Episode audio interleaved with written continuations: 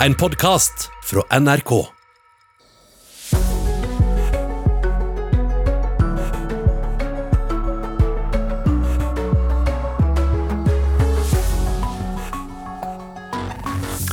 Hva hadde du gjort hvis du så en melding fra Bill Gates om at hvis du bare satte 1000 dollar inn på hans konto, så skulle han sette 2000 inn eh, på din? Ville du da tenkt at det var lettjente penger? Vi tror jo det at eh, svaret ditt er eh, nei. Men som du hørte i Dagsnytt, det var faktisk en del som slo til på akkurat det tilbudet. Men eh, ja, de ser på det som en Det som ser ut som da en enorm svindel, det, det involverer en rekke kjendiser og, og maktpersoner. Så hele den historien skal du straks få her i Nyhetsmorgen. Og skjer det noe nytt utover dagen, så skal du Eller utover morgenen, da så lover vi deg å følge opp så sant vi kan. Vi skal også fortelle om eh, elever som eh, denne høsten har fått eh, karakterer basert på andre elevers resultater. Du hørte riktig.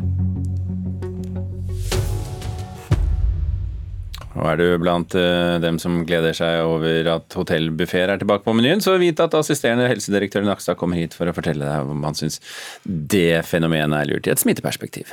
Ja, Vi skal også innom eh, mangfold i styrer, forbud mot omskjæring og eh, nordmenn som planlegger ferien etter været, så det kommer til å gå unna her den neste halvtimen i eh, Nyhetsmorgen, som i dag er med Birger Kolsrud Jåsund og Silje Katrine Bjørkøy. Vi skal altså begynne med disse Twitter-kontoene til en rekke politikere og forretningsfolk i USA som har blitt hacket og misbrukt. Svindlere har til nå fått inn over én million kroner fra folk som da har falt for denne svindelen. Twitter mistenker at dette er et koordinert angrep. Ok, Reporter Dag Bredvei, hvem er det som er eh, rammet av denne, hvis vi ikke snakker om de som har mistet pengene sine? Ja, Det er eh, politikere kjente som Joe Biden og Barack Obama, og det er veldig kjente da forretningsfolk i, i USA. Elon Musk, eh, Bill Gates, og også Jeff Bezos.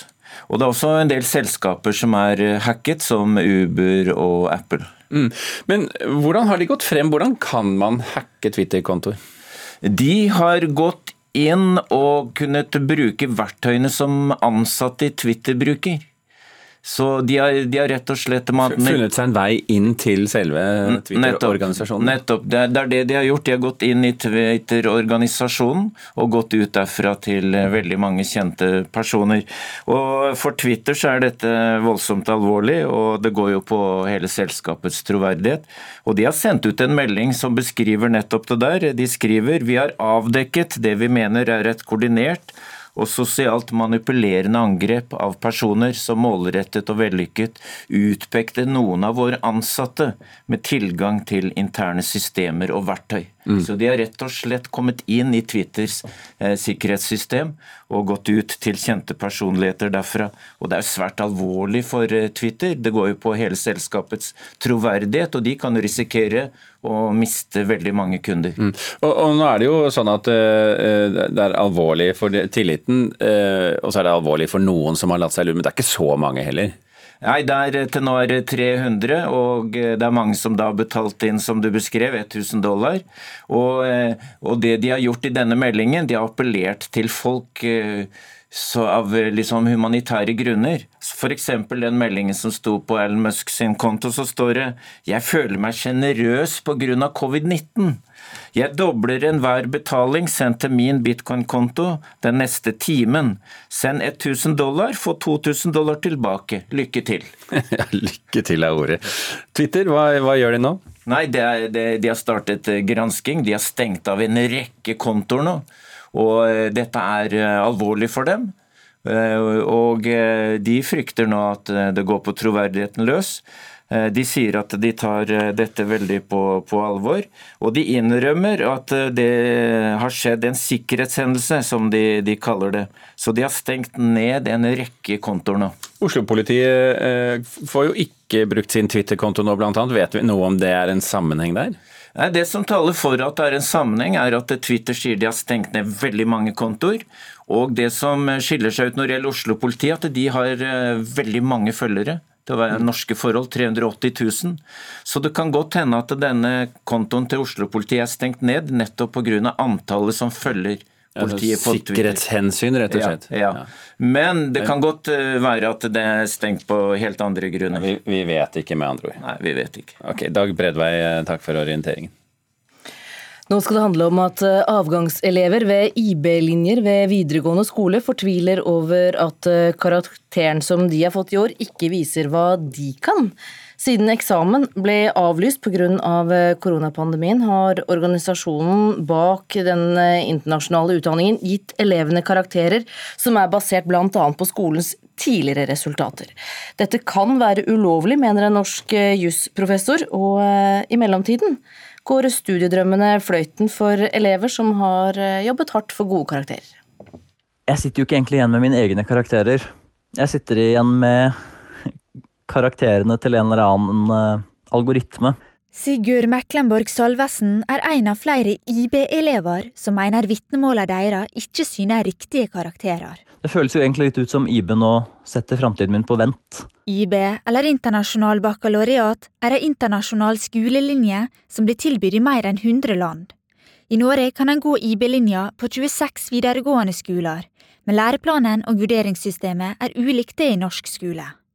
Elevene som går IB-linja, har først og fremst eksamenskarakterer på vitnemålet, men på grunn av korona ble alle eksamener avlyst i år. I stedet for å få vitnemål med såkalte predicted grades, som tilsvarer norske standpunktkarakterer, er tidligere resultat ved skolen og i faget med på å avgjøre elevene sine karakterer. Planen min var å studere history and politics på The University of Edinburgh. For Sigurd får metoden store konsekvenser. Han lå an til å ha karakterer tilsvarende norsk 5,5 i snitt, men på vitnemålet er han satt ned til 4,2. Så dit kommer jeg ikke inn. Jeg kommer heller ikke inn på mine topp fire på Samordna opptak heller. Den grunnleggende forutsetningen for karaktergivning, i hvert fall etter norsk rett i Norge, må være at dette baseres på individuelle prestasjoner. Professor i rettsvitenskap ved Universitetet i Bergen, Hans Fredrik Martinussen, mener karakterene IB-elevene har fått, i bunn og grunn er ugyldige. Sånn at en sånn karakterfastsetting ville nok av norske domstoler vært ansett som uh, ugyldig. Så hvis at uh, en elev ved IB-linje hadde gått til norsk domstol, så kunne de fått det erklært ulovlig? Ja, det, det ville nok ikke stått seg. Elevorganisasjonen ber norske styresmakter om å legge press på IBO, organisasjonen bak IB-utdanninga og får dem til å gi karakterer basert på andre kriterium. Og Frem til det skjer, så kan eh, norske myndigheter se på muligheten for å tilby norsk vitnemål til disse elevene. Sier leder Kristin Schultz. VG har tidligere skrevet om situasjonen IB-studentene står i, og Kunnskapsdepartementet har nå bedt IBO forklare hvordan karakterene er satt. Kunnskapsdepartementet skriver i en pressemelding at verken de, Samordna opptak eller universitet og høgskoler kan endre et offisielt IB-diplom. UiB-professoren mener likevel at elevene kan få hjelp i Norge. De kunne endret opptaksforskriften og, godkjent disse standpunktkarakterene som de norske skolene har gitt, som grunnlag for opptak til uh, høyere utdanning i Norge.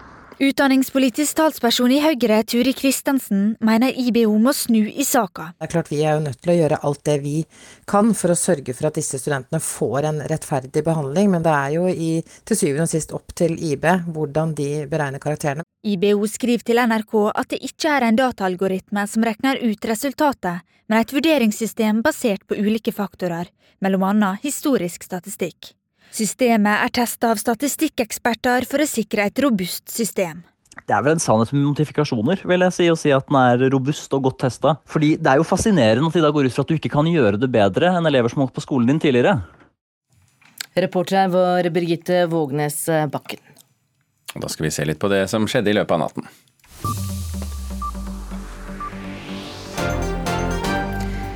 Twitter-kontoene til flere kjente personer er hacket. Annet eh, gjelder det kontoene til tidligere president Barack Obama, Amazon-eier Jeff Bezos og Tesla-gründer Elon Musk.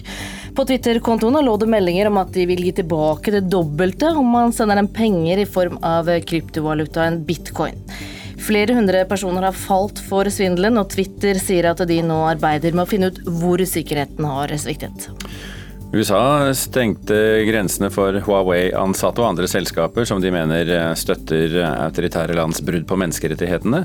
Utenriksminister Mike Pompeo mener Huawei er en forlenget arm i det kinesiske overvåkingssamfunnet, som de mener sensurerer politiske dissidenter og muliggjør interneringsleirer for uigurer og andre muslimske grupper i Xinjiang. Huawei sier selskapet er eh, citat, 'skuffet over denne urettferdige og vilkårlige behandlingen'. Citat slutt. Det er registrert ti flere tilfeller av koronasmitte i Norge det siste døgnet. De siste to dagene er økningen på 27 tilfeller. Så langt er det dermed 9011 personer som har fått påvist eh, smitten her til lands. Til sammen får fem personer nå behandling på sykehus for covid-19-sykdom. 253 er døde av sykdommen. Og her er noe av det du kan få vite mer om hvis du følger med på NRK Nyheter i dag. Eirik Jensen, den pensjonerte politimannen som er dømt til 21 år i fengsel, skal møte i et nytt fengslingsmøte i dag. Jensen mener han bør løslates fra varetekt, men Spesialenheten de mener tvert imot at han bør bli sittende i varetekt i åtte nye uker. Erik Jensen har anket dommen fra lagmannsretten til Høyesterett på grunnlag av lovanvendelse, saksbehandling og straffeutmåling. Ofrene for koronapandemien minnes i dag eh, i en egen seremoni i Madrid. Der deltar bl.a. Eh, lederne i EU og ledelsen i Verdens helseorganisasjon.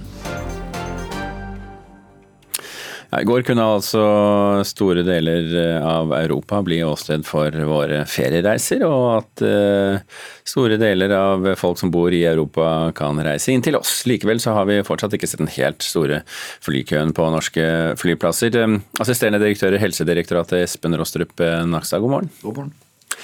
Er du bekymret for hva disse åpne grensene kan gjøre med smittesituasjonen i Norge? Vi følger i hvert fall godt med på det. Eh, og så er det jo litt usikkert hvor mange som faktisk eh, både reiser ut og kommer til Norge som turister i sommer. Eh, men vi er forberedt på at det kan komme en del besøkende, og at det kan dukke opp smittetilfeller både blant nordmenn i utlandet og de som kommer til Norge. Så litt lite trafikk over grensene, det er bra for deg? Jeg kan si at Jo større volum av mennesker som reiser rundt i Europa nå, jo større er jo sjansen for å ta med seg noe smitte. Eh, selv om det er ganske lave tall i mange europeiske land nå, og det er jo derfor de har blitt grønne. Ja, og Sverige har jo, eh, har jo, ikke hatt så mye åpne grenser, verken til Norge eller andre land. Men det, det, tallene ser veldig bra ut der nå? Tallene begynner å komme seg. Jeg sjekket nettopp i morges, og de er jo nede nå på en sånn siste uka gjennomsnittlig ja, ti dødsfall eh, om dagen, under det. Og Det er jo klart, det er jo fortsatt mye. Det er jo som det var på det meste i Norge. Men, men det er en betydelig nedgang i Sverige nå de siste ukene. Eh, også smittetallene har nå kommet under 400, ser det ut som. Eh, det høres fortsatt høyt ut, og er ganske høyt, men det er veldig mye lavere enn det var mm. Eh, i en situasjon hvor de faktisk tester veldig mange. Koronapandemien går jo hardt utover, eller i hvert fall har gått hardt utover næringsliv, og ikke minst turistnæringen her i landet. Kommer smittevernhensyn i andre rekke på et eller annet tidspunkt for å få fart i økonomien igjen? Man kan si at uh, I Norge så, uh, så, har man jo vært privilegert på den måten at uh, vi har kunnet sette smittevernet høyt. og Det er sannsynligvis noe av det som har gjort at vi har fått såpass rask kontroll på situasjonen i Norge sammenlignet med en del andre land, hvor man setter andre hensyn høyt. Og Særlig så ser man det at land som som begynte å få fallende smittetall, men som valgte å da gjenåpne veldig tidlig. De fikk en sånn bumerangeffekt hvor det dro seg opp igjen. Mm. Mens i Europa så har det vært en del land som har klart å komme seg langt ned. Eh, og når de har åpnet opp, så har det gått ganske bra. Så, så det er noe å lære av andre land. og så og så har vi lært noe selv også i Norge i denne perioden, tenker jeg. Og da må vi snakke om hotellbuffeer. For det er jo så deilig. Eh, man kan gå, og Vi elsker jo hotellbuffeer og forsyne seg av det absolutt beste. Er det lurt? Ja, nå er, det, nå er det endret litt i denne covid-19-forskriften og på rådene som gjør at man kan servere mat eh, fra buffé eh, på hoteller, blant bl.a. Og det er fortsatt ikke helt fritt fram. Det er en del smittevernkrav til, til bufféservering. Men det er sånn at man kan som gjest på et hotell f.eks. i sommer forsyne seg med mat og også alkoholfri drikke fra en buffé. Men det er en del krav eh, og råd som skal følges, f.eks. At, eh, at de ikke skal køe seg med folk foran buffeen, og det er en del renholdskrav. og og, og, personalet må følge veldig nøye med på buffeen. Mm. Eh, men her er det utarbeidet ganske mange gode råd, eh, og dette vil gjøre det lettere også for hoteller å kunne faktisk servere frokost til gjester i sommer. For eh, Hva slags type krav da? At det ikke kan være så mange av, av gangen inne ved buffeen? Ja, f.eks. må det ikke kø seg. Man må holde denne meteren med avstand når man står i kø til buffé også. Og man må ha god håndhygiene. Kanskje bruke sitt eget bestikk når man tar en tallerken, også til å forsyne seg av buffeen, og så man med seg bestikket videre når man setter seg, f.eks. Eh, sånne ting. Så, så, her er det valgmuligheter eh, også, men det skal være smittevernmessig forsvarlig. Eh, og når det gjelder alkohol, så må det serveres fortsatt ved bordene, og det har litt med å gjøre med at ikke man skal køe foran en bardisk, f.eks. i utelivsbransjen. I går hørte vi at kulturminister Abid Raja ønsker å åpne opp breddeidretten. Syns du det er en god idé? Breddeidretten er fortsatt eh, underlagt eh, en del mer restriksjoner enn barne- og ungdomsidretten f.eks. Eh, og breddefotballen har jo også fått mye oppmerksomhet, som er en del av breddeidretten. Men her gjøres det fortløpende vurderinger, og, og, og, de vurderingene vil også bli gjort i august måned, når ferien er på hell. Og så får vi se hvordan det blir. Det avhenger jo Dette er det jeg kaller et diplomatisk svar. Ja. Det er, det er, det, fordi vurderingen er ikke gjort. Men det er ingen som ønsker breddeidretten noe vondt. Det er rett og slett et spørsmål om å se nå om vi klarer å holde lave smittetall i Norge. Og så lenge vi klarer det, eh, så kan vi åpne enda mer av samfunnet på en trygg måte, eh, og gradvis. Eh, og det er håpet. Men vi er nødt til å se nå at vi klarer å, å beholde kontrollen gjennom fellesferien. Ok. Espen Rostrup Nakstad, takk for at du var med også i dag.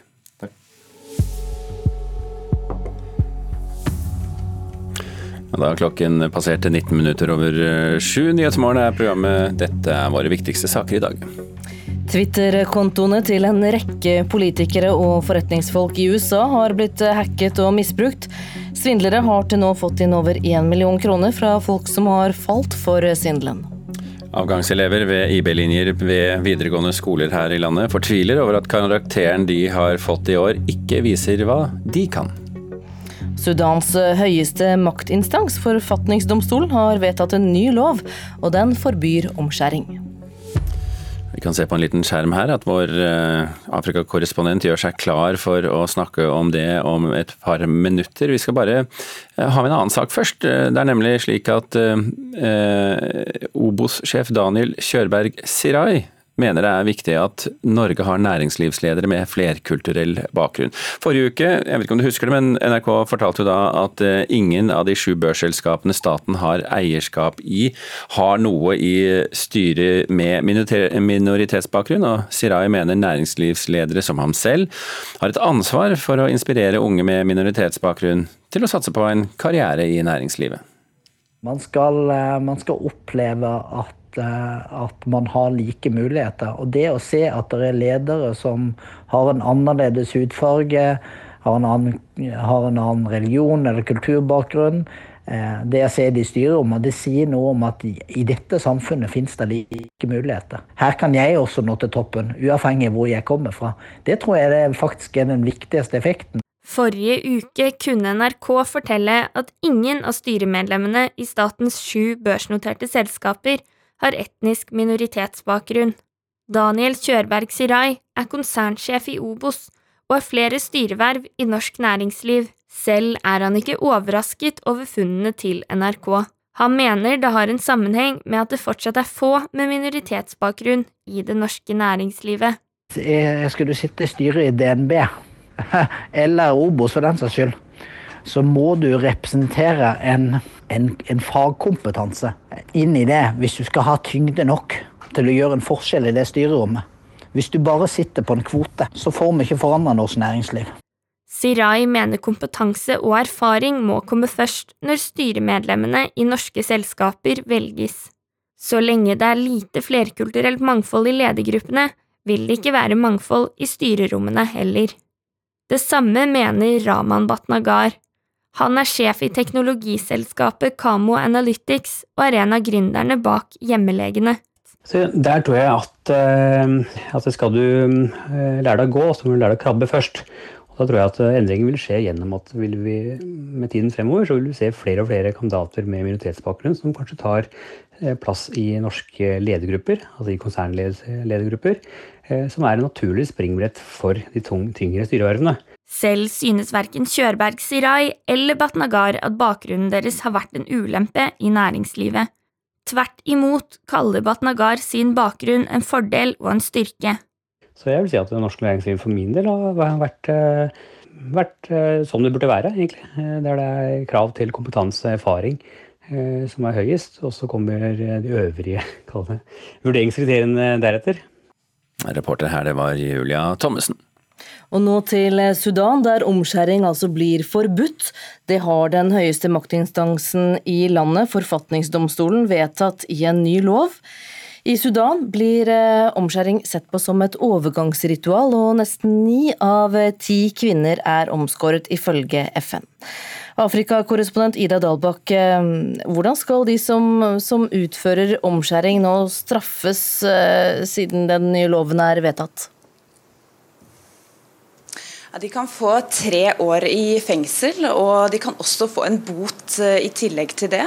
Og så er det snakk om at klinikker eller andre steder der man utfører omskjæring av kvinner, at de også kan få straffer og at de kan stenges ned. Og Denne lovendringen den kom jo nå rundt i overkant av et år etter at tidligere president Omar al-Bashir ble styrtet og tatt av makten i Sudan. Han satt jo der i 30 år som president. Og Omar al-Bashir stemte jo nei til Han ønsket jo ikke da å endre loven for omskjæring av kvinner da dette ble tatt opp i 2015. Og Nå skjer det altså ganske mange endringer i Sudan etter at han er borte. Jeg regner med at dette ikke kommer helt uten reaksjoner. Hvilke har kommet så langt? Bl.a. statsministeren i Sudan går jo ut nå og sier at dette er viktig for justisreformen i landet, og at det kommer flere lovendringer i Sudan framover, også på, på, andre områder i samfunnet. Så Han sier også at dette er viktig. Det følger jo dette slagordet som revolusjonen der hadde, fred, frihet og rettferdighet. Og dette er jo også rettferdighet da for kvinner, sier Unicef fra Khartoum. Det er viktig for kvinners mentale og fysiske helse også, sier representanten der. Og så er jo også mange, Det er jo også mange kvinner som er som er glade nå for denne lovendringen. Det var mange kvinner som gikk i bresjen for å styrte al-Bashir, og som har gått foran i denne frihetsbevegelsen i Sudan. Det var jo en kvinne, Allah Salah, som kledde seg i hvitt, slik som nubiske dronninger for 3000 år siden, og som gikk foran i disse protestaksjonene. Og nå har de også kjempet for å bedre kvinners rettigheter. og det har de jo fått til, i hvert fall på ett punkt. Ja, Nesten ni av ti kvinner er altså omskåret, ifølge FN. Hvordan har sudanske kvinner kjempet for å endre samfunnets holdninger når det gjelder omskjæring som skjer i eget land? Ja, de har jo vært opptatt av at det ikke har skjedd nok da, siden Omar al-Bashir ble styrtet i fjor, og at det skulle vært flere lovendringer. Det tar jo selvfølgelig tid, men de mener at det har vært en mangel da bl.a. på en lov som kriminaliserer vold mot kvinner, og at det er mange som opplever det. Og så har de også vært opptatt av at kvinner skal kunne velge hvem de skal gifte seg med, og ikke kunne bli gifta bort. Og de snakker også om at jenter ned i tiårsalder nå kan giftes bort mot sitt samtykke. Og det ønsker de nå endringer på. Og så har det da kommet ene lov, altså denne ene lovendringen nå for kvinnene. Så de har jobbet hardt over lang tid for å endre sine rettigheter i Sudan. Ja, Denne loven åpner da også for å kunne skape endringer også i andre, eh, i andre situasjoner for, for, kvinner. Takk skal du ha, Afrikakorrespondent Ida Dalbakk. Nordmenn reiser ikke i eget land på samme måte som turister fra utlandet. Vi bruker nemlig Yr i stor grad til å planlegge hvor turen skal gå. F.eks. Aksel Johan Dahl og Sara Vilgås. Vi bruker veldig mye Yr. Sitter og ser på Yr. Følger med på værmeldinga der hele tida, så da, ja. Dere planlegger rett og slett med yr.no? Ja, vi gjør det. Så den har hjulpet oss mye. Så nå veit vi at i neste, til helga så blir det Kristiansand, og da blir det fint vær, da. Så da, da drar vi dit. Aksel Johan Dahl og kjæresten Sara Vilgås er på tre ukers ferietur. De befinner seg på Mosevangen camping i Stavanger. Som mange nordmenn planlegger de turen etter været. Eh, ja, vi eh, har jo satt av tre uker på norgesferien. Eh, og da har det vært veldig greit at vi ikke har satt Vi har ikke planlagt hvor lenge vi blir på hvert sted. Sånn at da, hvis, været, hvis det er regn, så bare reiser vi videre. Og det er det som er så greit med telt. Da er det bare å pakke opp sakene og så dra videre til sola. For i år har det vært ekstra viktig med godt vær. Det merker Per Arne Haar, som driver Mosevangen camping. Med en gang det tørker litt opp her og ikke regner, så popper det opp norske telt overalt. Så begynner det å regne, og så forsvinner alle teltene igjen. Forsker Øystein Jensen har forsket på nordmenns reisevaner i hjemlandet. Han forteller at nordmenn i Norge søker noe annet enn turister fra utlandet. Gi nordmenn en frihet. Eh, La de få lov til å velge hva de vil gjøre. La de forstå hvilke alternativer det er, og, og bygge på dette. Vi gass. Klare? Er dere klare der framme? Yes.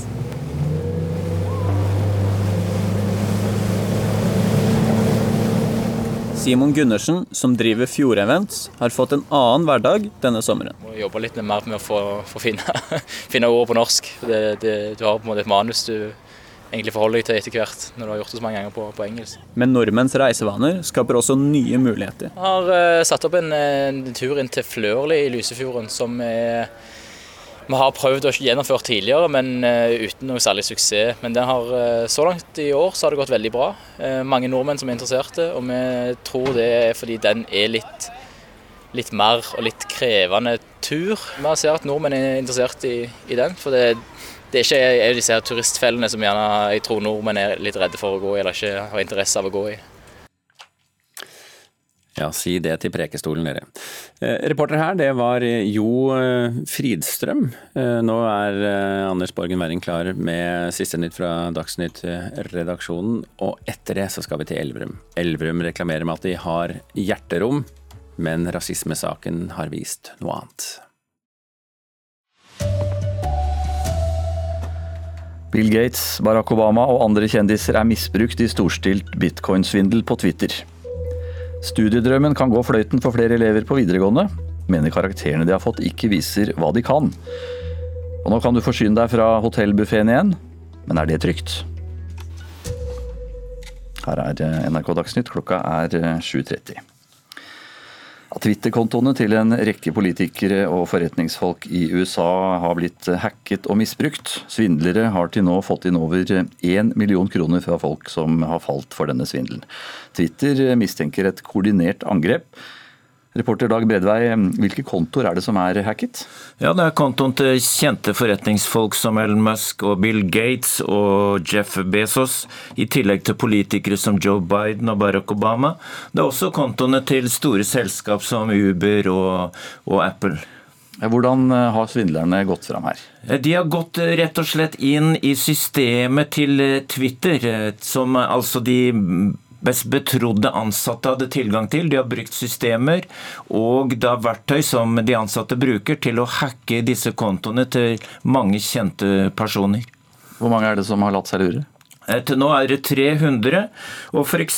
på en melding som har kommet ut fra forretningsfolk som Elmes, så står det «Jeg føler meg generøs pga. covid-19». Så de har altså brukt koronasituasjonen til å gå inn disse, som en inngang i disse meldingene.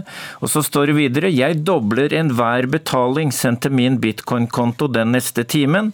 Send 1000 dollar, få 2000 dollar tilbake». Og så står det da «Lykke til».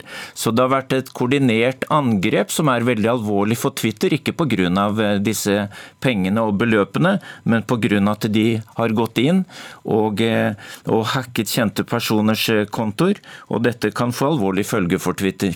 Ja, Hva gjør Twitter for å finne ut av dette her? Twitter sier at de har stengt en rekke kontoer nå. Og de gransker dette, og de ser alvorlig på dette. Og de vet jo at dette kan gå på tilliten løs hvis dette gjentar seg hos Twitter. Takk skal du ha, utenriksreporter Dag Bredvei. Avgangselever ved IB-linjer på norske videregående skoler skal det handle om nå, for de fortviler over at eh, de i år har fått karakterer som ikke viser hva de kan. Siden eksamen i år ble avlyst pga. Av koronapandemien, så har organisasjonen bak den internasjonale utdanningen gitt elever eh, karakterer ut fra tidligere gjennomsnitt, bl.a. ved skolen de går på. Dette kan være ulovlig, mener en norsk jusprofessor. I mellomtiden så går studiedrømmene fløyten for elever som har jobbet hardt for gode karakterer. Jeg sitter jo ikke egentlig igjen med mine egne karakterer. Jeg sitter igjen med karakterene til en eller annen algoritme. Sigurd Meklenborg Salvesen er en av flere IB-elever som mener vitnemålene deres ikke syner riktige karakterer. I stedet for å få vitnemål med såkalte predicted grades, som tilsvarer norske standpunktkarakterer, er tidligere resultat ved skolen og i faget med på å avgjøre elevene sine karakterer. For Sigurd får metoden store konsekvenser. Han lå an til å ha karakterer tilsvarende norsk 5,5 i snitt, men på vitnemålet er han satt ned til 4,2. Planen min var å studere history and politics på The University of Edinburgh. Dit kom jeg ikke inn. Jeg kommer heller ikke inn på mine topp fire på Samordna opptak. Professor i rettsvitenskap ved Universitetet i Bergen, Hans Fredrik Martinussen, mener karakterene IB-elevene har fått, i bunn og grunn er ugyldige. Sånn at En sånn karakterfastsetting vil nok av norske domstoler vært ansett som uh, ugyldig.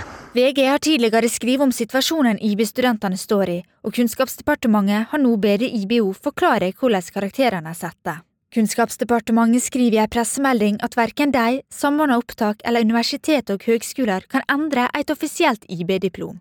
UiB-professoren mener likevel at elevene kan få hjelp i Norge. De kunne endret opptaksforskriften og, godkjent disse standpunktkarakterene som de norske skolene har gitt, som grunnlag for opptak til uh, høyere utdanning i Norge. IBO skriver til NRK at det ikke er en dataalgoritme som regner ut resultatet, men et vurderingssystem basert på ulike faktorer, mellom annet historisk statistikk. Reporter eh, her, Birgitte Vågenes Bakken. Det er viktig at Norge har næringslivsledere med flerkulturell bakgrunn. Det mener Robos-sjef Daniel Kjørberg Sirai.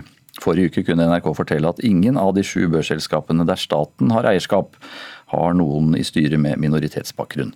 Sirai mener næringslivsledere som han selv har et ansvar for å inspirere unge med minoritetsbakgrunn til å satse på en karriere i næringslivet.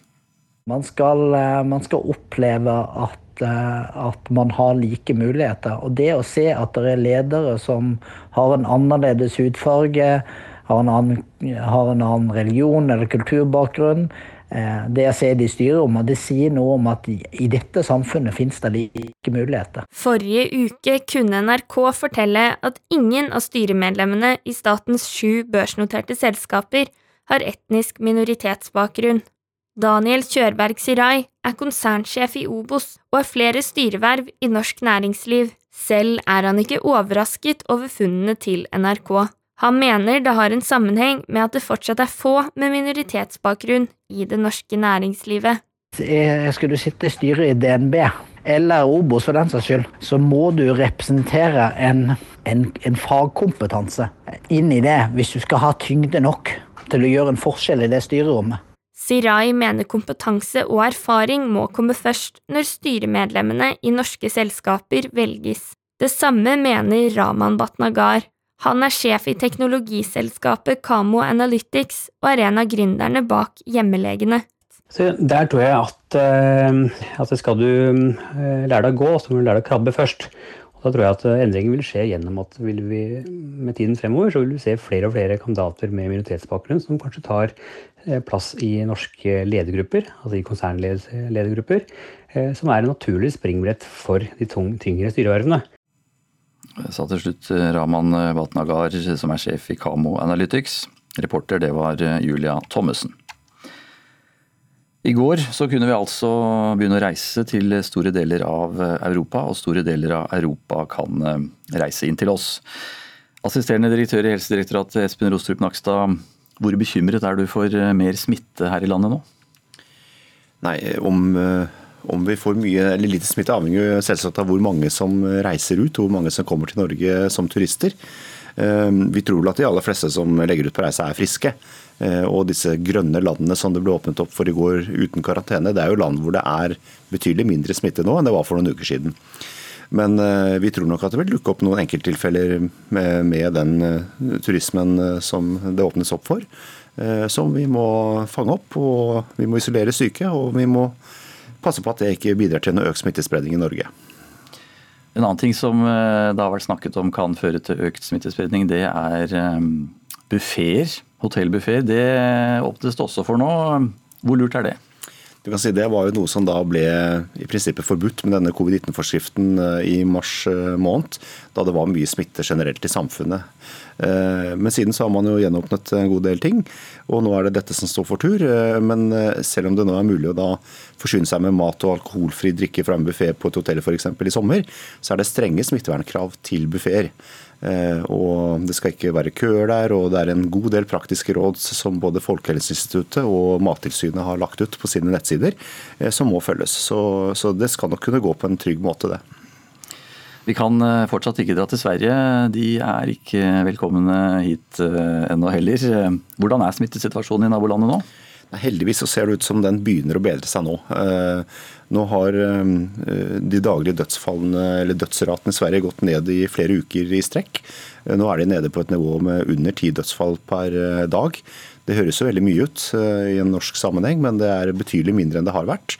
Og vi ser også at smittetallene er på vei nedover nå i Sverige, til tross for at de tester veldig mange. Så, så det kan se ut som at de nå har kommet ned på eh, et nivå som er, eh, begynner å komme under det vi var på i mars måned.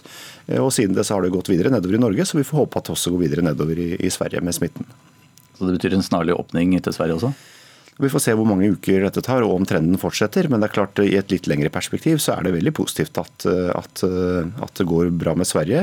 Det er veldig viktig også for Norge, selvsagt. Og gjør også at smittevern og smitterisikoen i Norge blir mye mindre når vi har et land rundt oss, eller flere land rundt oss med lite smitte. Kort til slutt, Espen Rostrup Nakstad. Du har selv så smått startet eh, ferie nå. Hvor skal du lade batteriene denne sommeren? Nei, Litt jobb og litt ferie nå en ukes tid til eh, før det blir ordentlig ferie. Eh, men det blir nok eh, litt ved kysten her i Sør-Norge først, og så kanskje en tur i fjellet etter hvert, tenker jeg. Det blir norgesferie i hvert fall, det er ganske sikkert. Takk skal du ha, assisterende direktør i Helsedirektoratet, Espen Rostrup Nakstad. Det er Tonje Grimstad som har ansvaret for NRK Dagsnytt i dag. Jeg heter Anders Borgen Werring.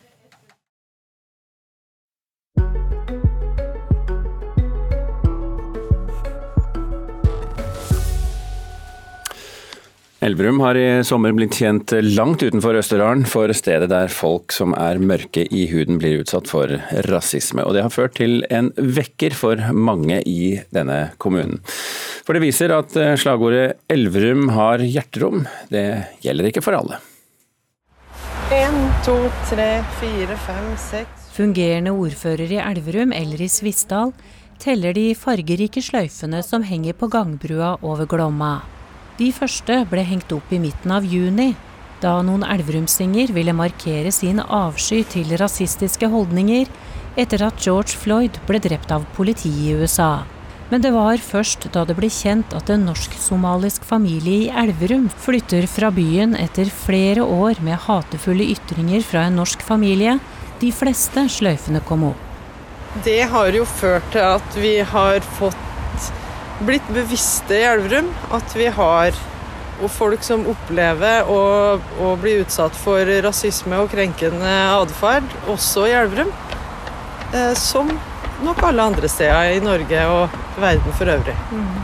Det var ikke nytt for mange av dem med mørk hudfarge som har bodd i Elverum i mange år. Men de turte ikke si det høyt. Ei kvinne som flytta tilbake til Elverum etter flere år med studier og jobb i utlandet, vet hva det handler om.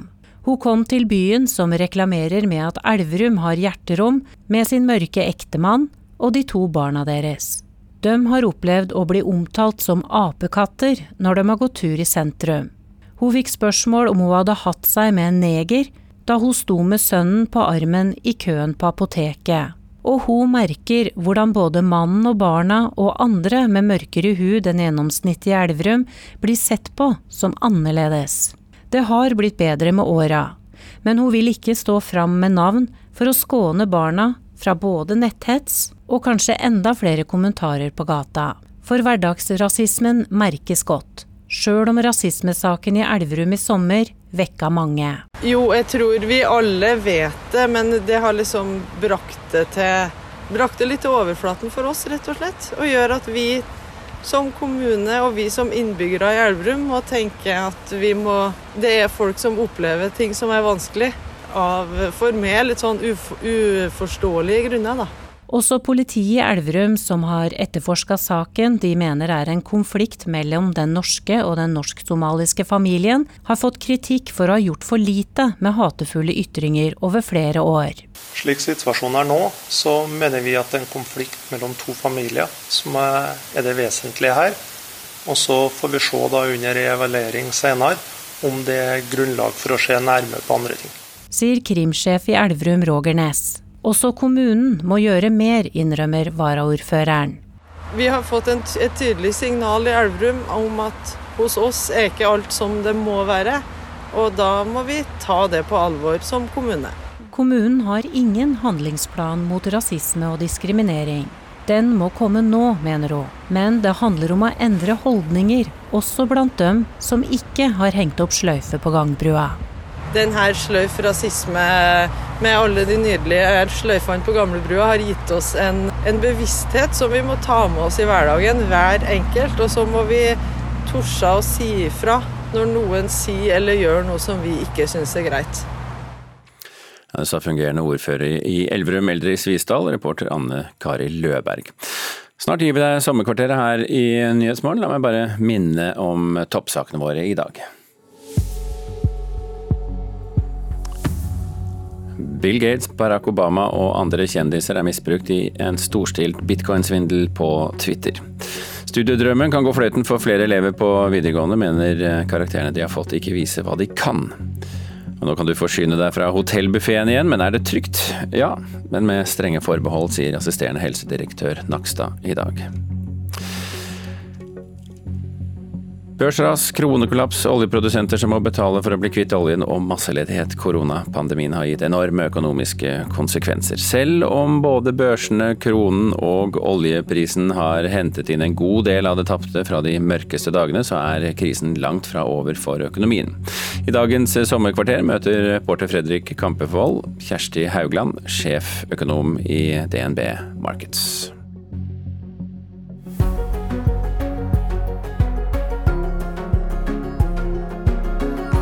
Et virus som trolig ikke eksisterte for et år siden, har gitt et økonomisk sjokk vi ikke har sett maken til i moderne tid. Der store deler av økonomien verden over har måttet bare stenge på et øyeblikk. Midt i denne stormen så har økonomene verden over prøvd å forstå hva som egentlig skjer her. Nå sitter jeg her med deg, Kjersti Haugland, som er sjeføkonom i meglerhuset DNB Markets. Hvordan vil du egentlig beskrive den siste tida? Tida har vært uvirkelig som man har vært for veldig mange andre. Eh, vi har eh, stått overfor noen veldig store spørsmål. Hvor ille blir dette her for verdensøkonomien?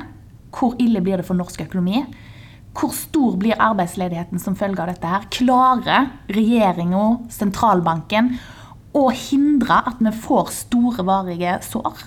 12. mars er jo det som blir merkedagen i det her. Natt til 12. mars fikk dere i DNB Markeds en ekstra beskjed om at dere hadde ett smittetilfelle blant dem som jobber hos dere, og dere ble sendt på hjemmekontor. Hvordan var det når alt det her skjedde samtidig? Men vi hadde jo begynt å forberede oss på at noe sånt kunne skje. Men det er jo klart, dette måtte da fungere fra første stund. Eh, så det var jo mye armer og bein. Eh, det er jo det med IT og teknikk og sånn som eh, må ha noen dager for å kjøre seg, kjøre seg inn. Eh, og Samtidig så står vi overfor et veldig stort arbeidspress, selvfølgelig. Fordi eh, det er veldig mange som ønsker å få svar på hva kommer dette her til å bety. Hvor ille blir det? Eh, hva er det verste som kan skje? Eller, og hva er det beste dette her vi kan forvente oss i denne krisa her? Det var blanda med selvfølgelig uro, fordi at en er selvfølgelig òg redd for selve viruset. Vi er jo òg mennesker. Vi lurer på hvor alvorlig er dette her. Det kom jo dramatiske rapporter fra Italia bl.a. som gjorde en bekymra. Og i tillegg så ble jo eh, en arbeidssituasjon som fra før av var veldig intens, eh, ble jo forverra når òg eh, skoler og barnehager ble stengt dagen etter at Norge da bestemte seg for å stenge. Kom du deg ut av morgenkåpa de dagene? Ja, Det var det jeg ikke gjorde. Det var jo sånn at De første dagene var så ekstremt hektiske. Fra morgen til kveld at jeg faktisk ble sittende i morgenkåpa eh, rundt omkring med den bærbare PC-en min på all verdens plasser i huset. Ei uke etter Norge stengte ned, altså den 19. mars, da kollapsa kronekursen. På ett døgn så gikk den ned 1,50 kr mot både dollar og euro. Hvordan var egentlig det for dere å observere? Det jo føltes litt uvirkelig. En skal jo sånn sett kanskje aldri være uh, eh, overraska over at uh, en finansiell størrelse som uh, en valutakurs, her i dette tilfellet kronekursen, kan, kan gå veggimellom. Men at en euro skulle koste over 13 kroner der på et tidspunkt i løpet av den verste dagen, det hadde jeg aldri sett for meg på forhånd. Så det sier litt om hvor i ubalanse finansmarkedene var på, på det tidspunktet. Og det var jo nettopp derfor at vi fikk dette helt usedvanlige eh, tiltaket fra sentralbanken, der de faktisk da varsla at eh, de kunne komme til å intervenere i markedet for norske kroner. Og Det er veldig sjelden kost for sentralbanker generelt, men særlig for Norges Bank. De ikke, pleier ikke å være særlig lystne på å drive med sånne intervensjoner. De mener at markedet og kronekursen skal på en måte flyte fritt, og at markedet må klare seg sjøl. Men i dette, denne situasjonen her så var det åpenbart at eh, markedet rett og slett var i ulage og trengte litt hjelp til å stabilisere seg. Og det fikk de faktisk til. Jeg skal ikke si Det var den eneste grunnen til at kronekursen roa seg litt ned eh, og kom ned mot litt mer normale nivåer igjen, eh, men det var jo definitivt en av faktorene. Den andre tingen Norges Bank har gjort, er jo det at de har tatt store rentekutt. og Det er mellom rentemøtene. Vanligvis så har de jo visse datoer der de tar og kunngjør om de gjør endringer på rente eller ikke. Mens her har de kommet med det her klokka åtte på morgenen med to ukers mellomrom. Dere satt på morgenmøtene da. Hva, hvordan er det når man sitter og diskuterer hva Norges Bank skal gjøre, og man ser at her kjenner de kjempekutt? Det, det er òg en sånn surrealistisk opplevelse. Det er jo klart det tempoet som alle nyhetene kommer inn i. Og Det gjelder jo ikke bare Norges Bank, men det gjelder òg sentralbanker rundt omkring i verden. Eh, og for så vidt òg finanspolitikken. Det var jo sånn at vi måtte være på alerten hele tida, fordi eh, det kom annonseringer i eh, ja, hele tida, egentlig. Ja, for Under finanskrisa så jobba jo du i Norges Bank, og da tok det jo en del lengre tid før sentralbankene, sentralbanken, ikke bare i Norge, tok og kutta renten. Er dette en viktig lærdom man har tatt med seg videre, at det er viktig å kjøre på hardt med en gang for å få hjulene i gang og stabilisere markedene? Altså, jeg tror For Norges Bank sin del så er det nok ikke så mye de kan gjøre, bortsett fra nå greip de jo inn i valutamarkedet. Eh, og det var mer sånn direkte. Da klarte de å roe markedene. Men når det gjelder det å roe markedene generelt, altså sånn eh, at det er vanskelig i lånemarkedene, at det er vanskelig i aksjemarkedene f.eks., det klarer nok ikke Norges Bank å gjøre så masse med. Det er det mer den amerikanske sentralbanken, de store aktørene, som klarer å påvirke nettopp den de store markedene. Da. Men eh, det at det er viktig å reagere tidlig for sentralbanker når et økonomisk sjokk har inntruffet, det er egentlig enda viktigere nå når renten allerede var så lave. En har såpass lite ammunisjon igjen. Da er det viktig å bruke det raskt. Og det har jo bl.a. Norges Bank gjort til, til de grader i denne nedturen her. Det som var veldig spesielt i denne situasjonen, var jo at vi visste på dagen når nedturen begynte. Det var ikke sånn at det var spørsmål om kommer norsk økonomi til å bli hardt rammet av dette her. Ehm, er det sånn at dette blir en eh, mild nedtur? Blir det en alvorlig nedtur? Sånn som vi ofte spør oss når vi faktisk er inne, når vi er på vei inn i en resesjon, et økonomisk tilbakeslag, så er det jo veldig masse usikkerhet. Vi vet ikke der og da at vi er inne i et økonomisk tilbakeslag nødvendigvis. Det går mer og mer opp for en. Og sånn var det jo òg i løpet av finanskrisa. Men i denne situasjonen så visste vi jo på dagen tid nedturen begynte. Altså, det var når Norge ble stengt, det. Men allerede før eh, de store økonomiene og Norge stengte, så hadde jo børsene rast. Det begynte jo et ganske massivt børsras i slutten av februar, der man på tre uker mista nesten en tredjedel av børsverdiene sånn bredt over hele verden. Hvordan var det å se det her falle så brått og så hardt? Det føles, føltes selvfølgelig dramatisk. Det gjør det jo alltid. Vi sitter liksom med skjermene oppe og følger markedene i løpet av dagen. Og det kommer jo veldig tett innpå når sånne ting skjer. Og det er jo klart at markedene var jo tidlig ute med å frykte nettopp at dette her kom til å bli en veldig alvorlig situasjon òg i Europa og i USA. Eh, og det var jo det som egentlig ble, eh, var grunnen til at markedene falt på den måten. For selv om Norge ble stengt eh, delvis da, 12. mars, så var det jo sånn at det, var mot slutten av februar, altså i andre halvdag av februar, så begynte jo smittetilfellene i Italia virkelig å blusse opp. Og Italia begynte å ta grep. Så selv om vi merka det på kroppen, økonomisk sett, eller og, og, rett og slett praktisk sett, da, 12. mars, eh, så hadde jo dette blitt en veldig alvorlig situasjon for europeisk land, og dette hadde markedet fanga opp mot slutten av februar. Som du er inne på, så reagerer jo aksjemarkedene ofte litt før resten av økonomien. Nå har jo aksjemarkedene hentet seg mye igjen de siste månedene. Er det tegn på at denne krisa nå er på tur å gå over for økonomien? Jeg mener jo det at denne krisen langt fra er over økonomisk sett. Vi har forhåpentligvis eh, det verste bak oss, og vi er nok inne i en fase nå der økonomien henter seg ganske godt inn igjen. Eh, særlig her i Norge. Fordi at tiltakene begynner å lettes på. Men vi kommer jo til å se uh, i løpet av ja, det neste halve året da, uh, at den ledighetsnedgangen kommer til å gå, altså sakke tempoet ganske kraftig. Fordi mange av de permitterte, ikke bare i Norge, men også i andre land, kommer til å komme tilbake i jobb, har kommet tilbake til jobb. Men òg en del er nødt til å uh, komme til å miste jobbene sine. Det at vi nå er inne i en sånn rask innhentingsfase, det er jo det er jo oppløftende å se nøkkeltall som bekrefter det. Men dessverre så kan vi ikke forvente oss at den opphetingsfasen blir like sterk i det halvåret som kommer. i det hele tatt. Markedene har jo gått eh, som du sier, veldig friskt egentlig siden 23.3, da det snudde. Eh, og det kan virke som markedet kanskje priser inn at dette her skal komme veldig raskt opp igjen. og at den skal være nærmest tilbake på normalen i løpet av neste år. Og det, det synet deler jeg i så fall ikke.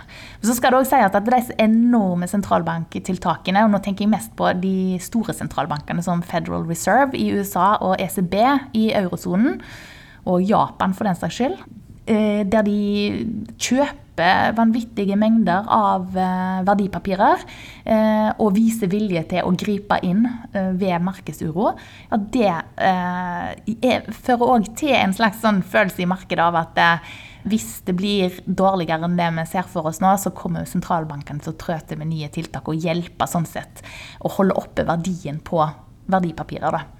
Men For Norges del så har det jo vært en dobbeltsmell med den generelle økonomiske nedturen og oljeprisen. Fordi at Midt i koronakrisen så har man jo etterspurt mindre olje. Samtidig så har det jo vært eh, oljepriskrig i OPEC pluss. Der man på et punkt så det at amerikansk olje, altså ikke den norske, der oljeprodusenter måtte betale for å bli kvitt olje. Var det her noe man kunne tenke seg at var mulig? Eh, nok et eh, tidspunkt der, der det føltes veldig veldig uvirkelig. Ja. Da oljeprisen ja, på, på, amerikansk olje gikk i minus. Det var, hadde jeg aldri sett for meg at kom til å skje. Eh, det tror jeg de færreste hadde. De ekstreme utslagene vi har sett både for kronekursen og oljeprisen og, og mange andre markeder òg, det gjenspeiler jo den helt ekstreme situasjonen det har vært i økonomien. At vi, det er veldig mange ting vi ikke har vært vitne til tidligere. Og da får vi òg sånne voldsomme utslag. Nå har vi jo kommet oss tilbake igjen, et godt stykke iallfall. Um, så det at norsk økonomi i begynnelsen, så var, det, så var vi redde for at uh, dette nettopp at vi blir utsatt for uh, effekten av uh, nettopp våre egne smitteverntiltak. Og òg andre land sine smitteverntiltak, som da gir dårligere etterspørsel inn til norske eksportører. Og i tillegg får smellen på oljeprisen og det føltes jo særlig da eh, overhengende når oljeprisen var så svak som han var på det, var det, på det svakeste. Eh, ja, det, det ga jo grunn til å frykte at Norge kom til å bli ramma uforholdsmessig hardt da, i forhold til andre land. Samtidig så visste vi det at eh, en tredjedel av alle ansatte i Norge jobber i offentlig sektor. De følte seg nok aldri utrygge på jobbene sine. Vi visste at det var rause kompensasjonsordninger i denne situasjonen her, og for de som ble permitterte. Så det var en del som talte for at eh, norsk økonomi sånn sett eh, lå bedre an enn andre land. Og akkurat nå kan det jo se ut til at nettopp disse her fordelene som norsk økonomi har, da, i form av den større jobbtryggheten og eh, godt eh, utbredt velferdssystem, da, eh, har gjort denne akuttfasen mindre ille. Da. Han har vært veldig ille, men han har vært mindre ille enn i andre land. Nå har oljeprisen kommet seg et stykke opp, og så har næring òg fått noen skattepakker som de da òg eh, bidrar til at fall i oljeinvesteringene ikke blir så store som vi så for oss i akuttfasen her. Men det er jo klart det at eh, oljenedturen var allerede på gang, og den kommer jo til å bli forsterka antageligvis eh, med mindre oljeprisen stiger, videre. En av deres viktigste oppgaver i DNB Markets er jo å gi råd til kundene deres. Og som du snakker om nå, så har jo oljeprisen beveget seg veldig mye, både, opp, både ned og nå i det siste opp. Samtidig som kronekursen er jo helt, virker helt umulig å spå. Og så har du smittetallene oppå det hele, som jo er ganske langt utafor det økonomer til vanligvis ser på. Hvordan er det egentlig å prøve å forstå økonomien midt i det her? å forstå økonomien oppi alt dette her, det har jo gjort denne eh, perioden ekstremt krevende.